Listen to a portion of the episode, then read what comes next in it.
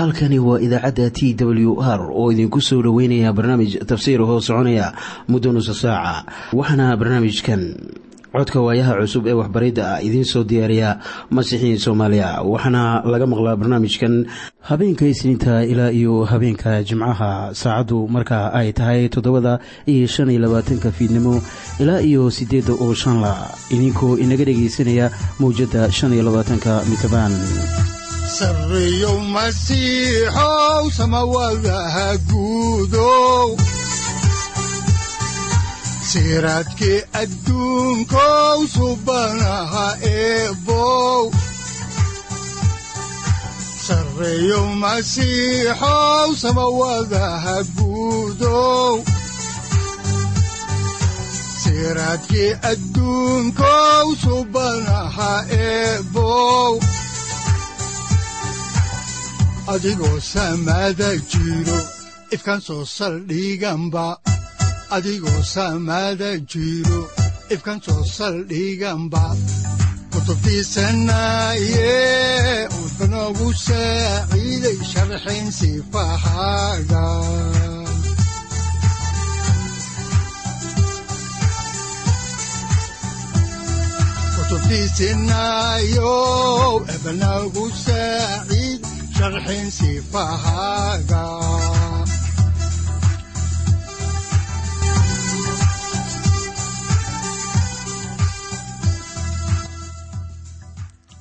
waxaanu horey idiinku sii wadi doonaa daraasaadka aynu ka soo xiganayno kitaabka quduuska ee bibaleka haddaba waxaanu horey idiinku sii wadi doonaa barnaamijkii aanu xalay idiin bilownay ee ahaa tusmooyinka aanu ku hoga tusaaleynayno kitaabka cusub ama waxbarashadan cusub ee aynu idiin bilownay oo la yidhaahdo dhexmarka kitaabka quduuska. qaadaa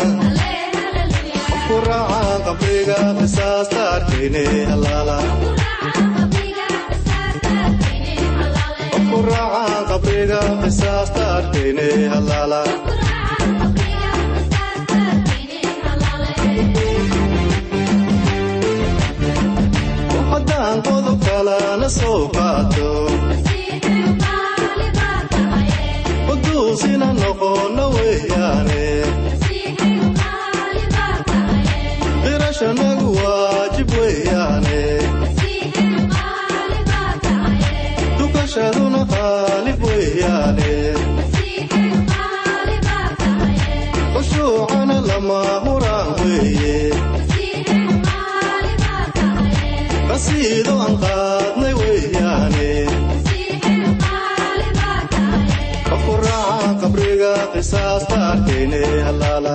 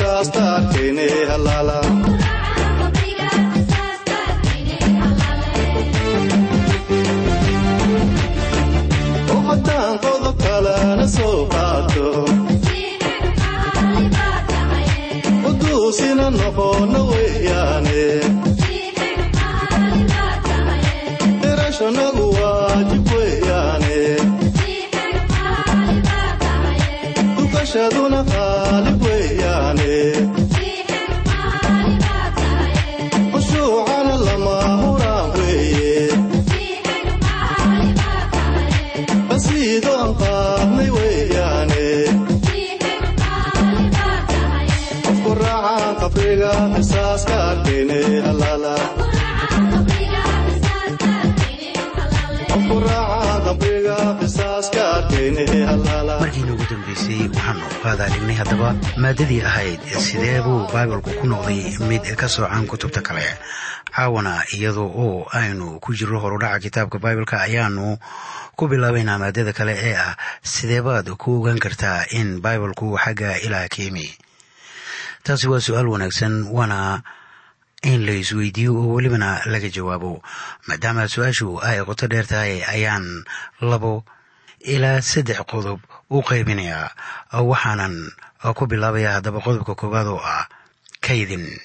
Mid ka mid ah caddaynta muuqata iyo tan dusha ah ayaa waxa ay tahay sida cajiibka ah ee loo xafiday ama keydiyey baibalka waxaa jira ama loo keydiyey baibalka waxaa jira boqor hore oo aan ka akhrino kitaabka yeremiya kaasoo markii hadalladii ilaah loo diray qaatay midi oo jeexjeexay. Laakiin haddana dib baa loo qoray oo isla hadalladaas maanta waynu haysanaa qarniyaal badan ayaanu arkaynaa in kitaabka la gubayay oo ilaa iyo haatan waxaa jira mucaarad xoogan oo lagala soo horjeedo kitaabka quduuska ee baibalka dalkeena xitaa marar badan baa lagu gubay oo waxa aan maqlay dad loo qaybiyey baibalka oo baalashiisa sokorta iyo caleenta ku duubanaya xitaa dalalka waaweyn sida amerika ayaan iyaga baibalka la gubin laakiin maxay ka duwan tahay? Gubis marba haddii. Waxbarashada kitaabka baibalka laga mamnuucay dugsiyada. Waxaa laga hadlayaa xorriyadda diimeed iyo xorriyatul qowl laakiin haddana intaa oo dhan ka sokow waxaa socda weerar lagu hayo kitaabka baibalka oo ilaa iyo maanta wuu socdaa iyadoo sida looga soo horjeedo haddana kitaabka baibalka waxa uu noqday kitaabka ama buugga loogu iibsashada badan yahay dunida. Laakiin haddana maanta ma ahan kan loogu iibsashada badan yahay. Waa aan ka xumahay inaan sidaas idhaahdo laakiin taasi waa xaqiiqda jirta oo doodaha maalmahan socdana arrinka ayaa looga hadlayaa. Waxa ay muujinaysaa in baibalka uusan xaqiiq ahaan qayb ka ahayn sidii uu ahaan jiray iyo doorkii uu uga jiray taariikhda iyo nolosha dowladaha waaweyn sida maraykanka iyo ingiriiska. Marka iyada oo uu ku jiro dhibaatooyinkaas oo dhan haddana aad baa loo xafiday baibalka. Tan labaad ee lagu ogaanayo in kitaabka xagga ilaah uu ka yimi. Ayaa waxa ay tahay in lagu caddeeyey baibalka taariikhda ama cilmiga archeolojiga ee lagu baaro taariikhaha gaboobay. Dhowr gooroo taariikhda laga baarayay meelo kala duwan ayaa lagu ogaaday waxyaabo badan oo caddayn u noqday in kitaabka quduuska ee baibalka uu yahay hadallada ilaah tusaale ahaan dadka ka soo horjeeda baibalka ayaa sanado badan waxa ay diidanayeen in kitaabkaasi uu muuse qoray iyagoo ku doodaya inaanu kitaabku jirin wakhtigii muuse ama uusan gaarsiisnayn.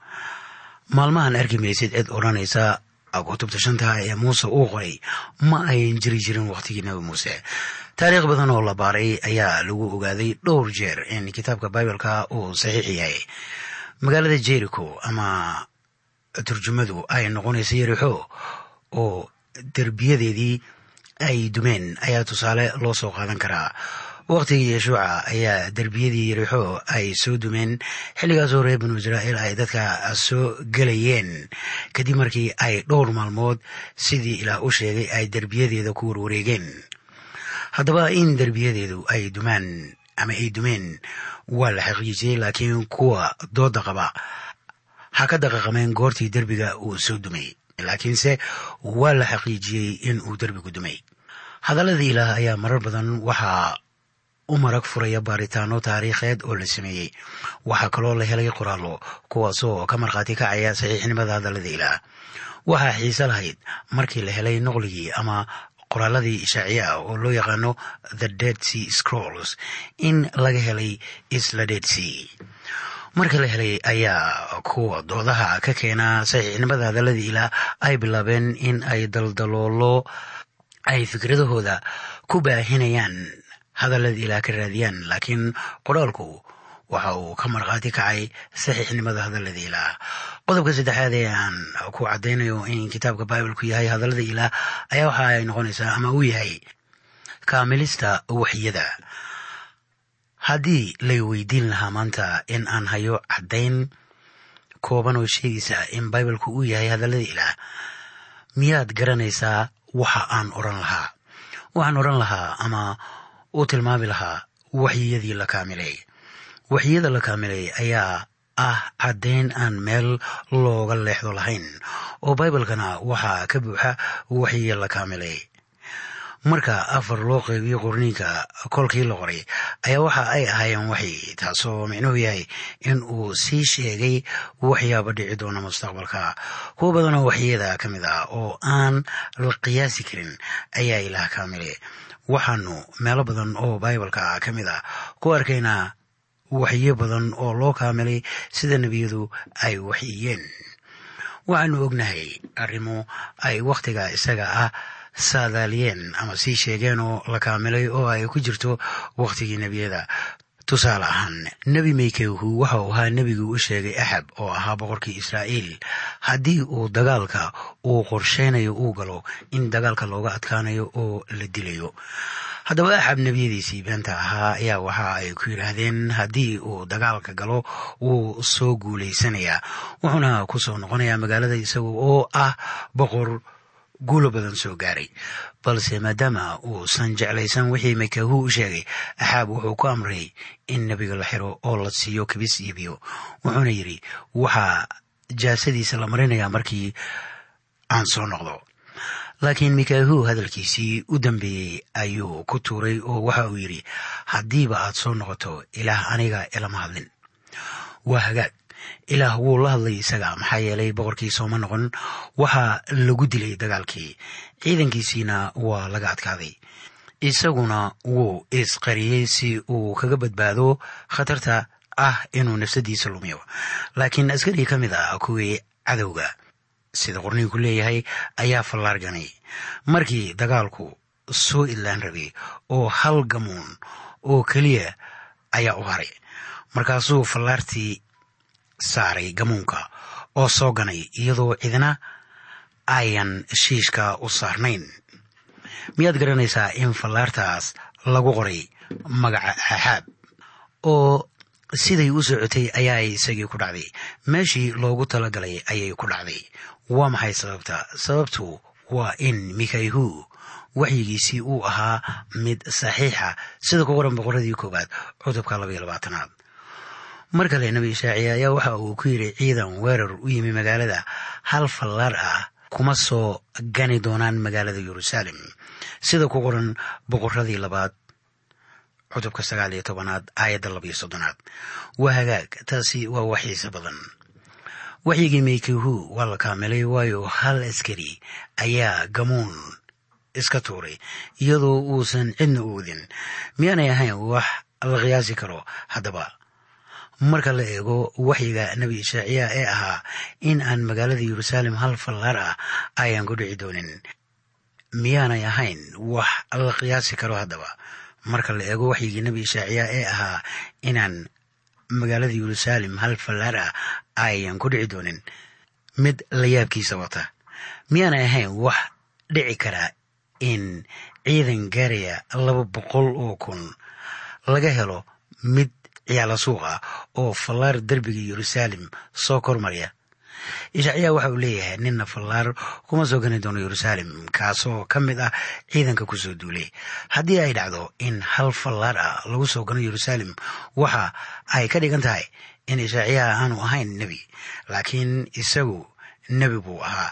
Sida lagu caddeeyey waxyigaas isaga ah oo la kaamilay markii la waayey qof ka mid a ciidankii magaalada ku soo duulay oo fallaar soo ganay.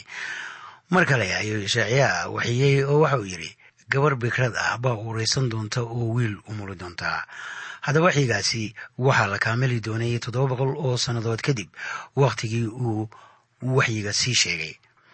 Markii ciise uu saarnaa isku tallaabta oo halkaa ka soo laalaaday waxaa jirtay waxyi ku qoran kitaabka ahdigii hore ee aan la soo kaamilin xilligii nebiyada. Waxaa zabuurka sagaal iyo konton aayadda koob iyo labaatanaad qayb ahaan ku qoran oo markaan haraadsanaana waxay i cabsiiyeen khado ciise ayaa waxauu yidhi waan haraadsanahay oo cadowga qudhiisa ayaa tegey oo kaamilay waxyigii sida ku qoran. Injiilka sida yoxaana oo qoray cudubka sagaal iyo tobanaad aayadaha siddeed iyo labaatan ilaa soddon waa tan ugu cajaa'ibka badan in qofi sameeyo wax uusan garanayn. Dadku taa kama fakeraan markii aad eegto kuwa hawada saadaaliya way kaa yaabinayaan. Wakhtiga guga si hagaagsan bay wax u saadaaliyaan laakiin markii xilligu isbedelo maladooda iyo taayaduba waa isla mid. Dhulka israa'iil beryihii hore nebigu waa in uu si hagaagsan wax u saadaaliyo oo saadaashiisu ay rumowdo. Haddii saadaashu ayan run ahayn waxaa loo dilayaa dembiga ah in uu noqday nebi beenaale ilaah baa u sheegay dadkiisa sida ay ku kala garanayaan nebiga beenta ah iyo kan runta ah. Nebiga runta ah waa in uu dhacdo taagan saadaaliyo isla sidii ishaaciyaah sameeyey. Markii nebigaas waxyigiisii uu run noqdo waxa ay garanayaan in ay ugu kalsoonaan karaan waxyaabaha khuseeya mustaqbalka isla sidii ay ishaaciyaha ugu kalsoonaayeen. Wixii uu waxyeeyey haddaan gadaal ugu noqono waxaynu arkaynaa in ay gidigood run ahaayeen waxaa jira waxyaabo badan sida kuwii laga sii sheegay turos iyo sidon oo ahaa magaalooyin shidan oo baayaca mushtar wanaagsan lahaa laba kun iyo shan boqol oo sannadood ka hor laakiin aan maanta magaalooyin ahayn sidii ishaaciyaha sii sheegayba masaarida waxa ay joogtaa heerkii ilaah sheegay. Waana wax la yaab leh saaxiibow in waxyiyada la kaamilay ay caddayn weyn u yihiin baibalka run ahaan inuu ka yimi ilaah xaggiisa ama uu yahay hadalkii ilaah. Sidaad arkaysana dadku sidaa wax u kala garan maayaan. Dadku waxbay malamaleeyaan oo xitaa kuwa hawada sii saadaalaya mar waliba runta kama sheegaan. Balaan idintuso arrinka isaga. Marka la eego sharci xisaabeedka loo yaqaano problematic conjecture ayaa lagu caddeeyey in dadku marnaba ayan waxba sii waxyoon karin. Kaba soo qaad inaan iminka aan sheegay waxyi anigoo idiin sharaxaya. Kaba soo qaad inaan idhi. Labada magaalo ee aad degantihiin berri roob baa ka di'i doona. In waxyigaasu rumoobo waxaay noqonaysaa boqolkiiba konton. Waayo waxaa suuragal ah in magaalooyinka dadku joogaan mid inuu roob ka do kaba soo qaad inaan ku daro oo aan idhaahdo wuxuu roobku bilaabanayaa subaxda hore saacaddu marka ay tahay sagaalka subaxnimo. Waxdaasoo ay ka macno tahay in saadaasha aan ku daray xaal kale oo aan xaqiiqo ahayn. Markii hore waxay ahayd boqolkiiba konton laakiin haatan waxa ay noqonaysaa boqolkiiba shan iyo labaatan oo waxaa isdhimaya fursaddii ahayd in saadaashaydu ay bilxaqiiqa rumowdo. Halkii erey ee aan xaqiiqda ahayn ee lagu daro waxa ay dhimaysaa boqolkiiba konton in saadaashaasu rumowdo. Kaba soo qaad inaan idhaahdo roobku ma bilaabanayo oo keliya sagaalka laakiin welibana roobku waxa uu istaagayaa labada duhurnimo. Taasi waxa ay ka dhigaysaa xisaabta. Boqolkiiba laba iyo toban iyo bar. Marka ma qiyaasi kartaa fursaddayda ah in aan ka run sheego saadaasha. Kaba soo qaad in aan haddana saddex boqol oo arrimood oo kale ku sii daray. Marka suuragal maaha in saadaashaydu ay rumowdo oo saadaashaasu wax rajo ah lagama qabo inay run noqoto. Laakiin hadalladii ilaah sidii uu yiri bay noqdaan mar waliba saaxiib. Mar waliba waa hubaal hadalladii ilaah baibalku wuxuu sii waxyoodaa waxaan suuroobayn oo anigana taasi way ii xaqiiqsan tahay in waxyaabahaas aan suuroobayn marka sida dadka loo eego ay suuroobaan. Marka hadalladii ilaah lagu waxyiyo. Waxyada kitaabka ee soo aroora wax lala simaama jiraan. Waxaan idin siiyey tusaale aada u yar oo aan ka soo xigtay qorniinka ee waxyiyo lagu kaamilay. Markaana waxaan is oran lahaa taasi waxa ay tilmaamaysaa hanaanka waxyiyada mustaqbalka ay ku soo kaamilmi doonaan. Qodobka afraad ee aan ku caddaynayo in baabilku ka yimi xag ilaah ayaa isna ah nolosha cusub. Waxaan idin siinayaa asbaabtii iigu dambeysay ee ah in baibalku yahay hadallada ilaah tan koowaad waxa weeye nolosha cusub ee rumaystayaashu ka helayaan kitaabka. Waxaan arkay waxa hadalladii ilaah ay ku samayn karaan nolosha ragga iyo dumarka. Waxaan arkay dad dhegaysan jiray barnaamijkan waxbaridda kitaabka ee noloshoodii isbeddel weyn ku yimi.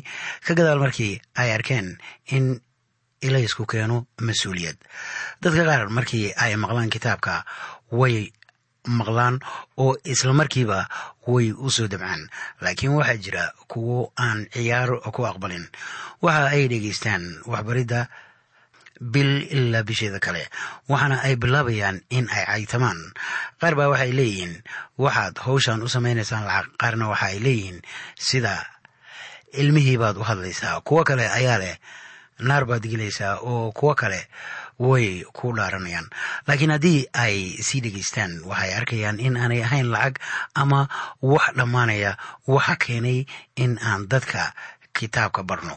Dadkaasoo kale markii ay fahmaan waa kuwo markii ay maqlaan kitaabka caroode eh waxa ay noqonayaan kuwo ku adadag waxa ay maqlaan markii ay gartaan inay yihiin dembiilayaal kolkii dambe waxaad arkaysaa kuwo badan oo horey ay ugu adkayd in ay hadalka maqlaan oo haddana isku dhibaya ilaah oo garanaya waaqica rasmiga ah ee noloshooda. Waxaana ay bilaabayaan in noloshoodu isbeddesho oo ay ka tagaan waxyaabaha u diidan in ay ilaah soo raacaan sida marqaanka iyo basaaradaha kale iyo waxyaabaha ay qabatimeen waxaana isbeddel weyn ka muuqanaya noloshooda markii ay u yimaadaan masiixa dabadeed. Mararka qaar wacdiyayaasha ayaa waxa ay qaataan dowr ay ku difaacayaan injiilka oo waxay isku dayaan in ay difaacaan baibalka. Waxay mararka qaarkood kula noqonaysaa haddii aad hesho jawaabaha su'aalaha ay dadka aan rumaysnayn ka qabaan kitaabka inay iyaga oo dhan aqbalayaan. Tan ugu liidataa ee dadka kitaabka loo baro waa marka aad isaga dhigto dadka sidaad ka garaad oo aad eed dusha uga tuurto itaal daradooda iyo faham daradooda. Markii aad sidaa yeesho waxa aad yeelanaysaa cadaawo badan.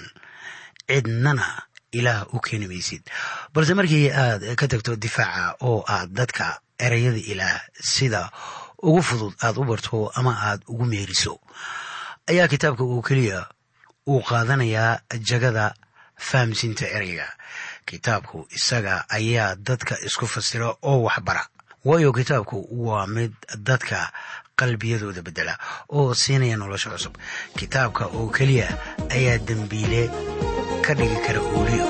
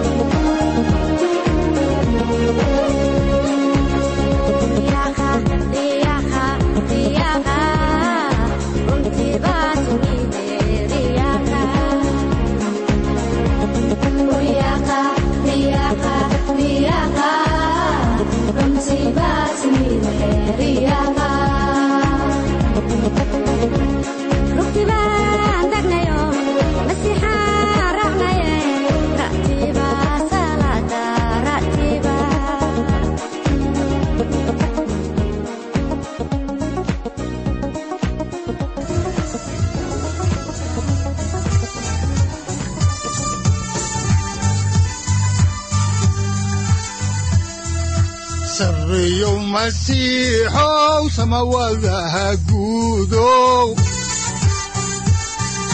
siraadkii adduunkow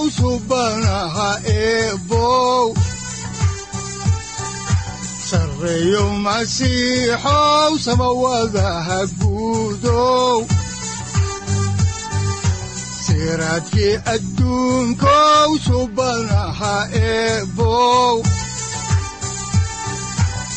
adigoo saaciiday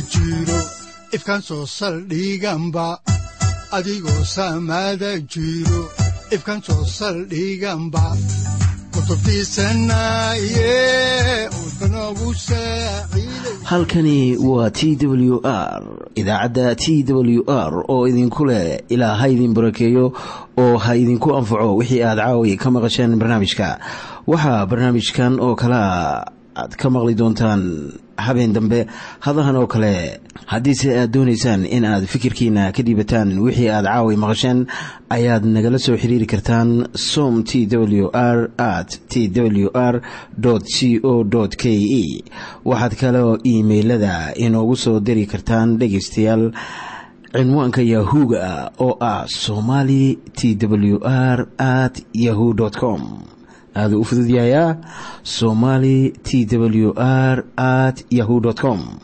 Waxaa kaloo aan idin siin doonaa website aad ka maqashaan barnaamijyada soomaaliga ah si kuwiina doonaya in ay koorasyo ka qaataan bibalka ay ugu suurowdo ama ugu hirgasho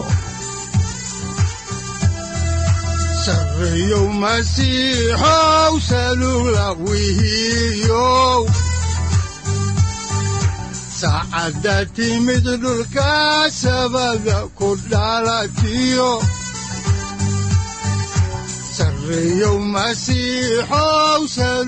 halkani waa t w r oo idiin rajaynaya habeen baraare iyo barwaaqaba leh inta aynu ka gaari doono wakhti aynu ku kulanno barnaamij la mida kan caawayay aad maqasheen waxa aan idinku leeyahay nabadda ciise masiix ha idinku badato xagga jirka iyo ruuxaba aamiin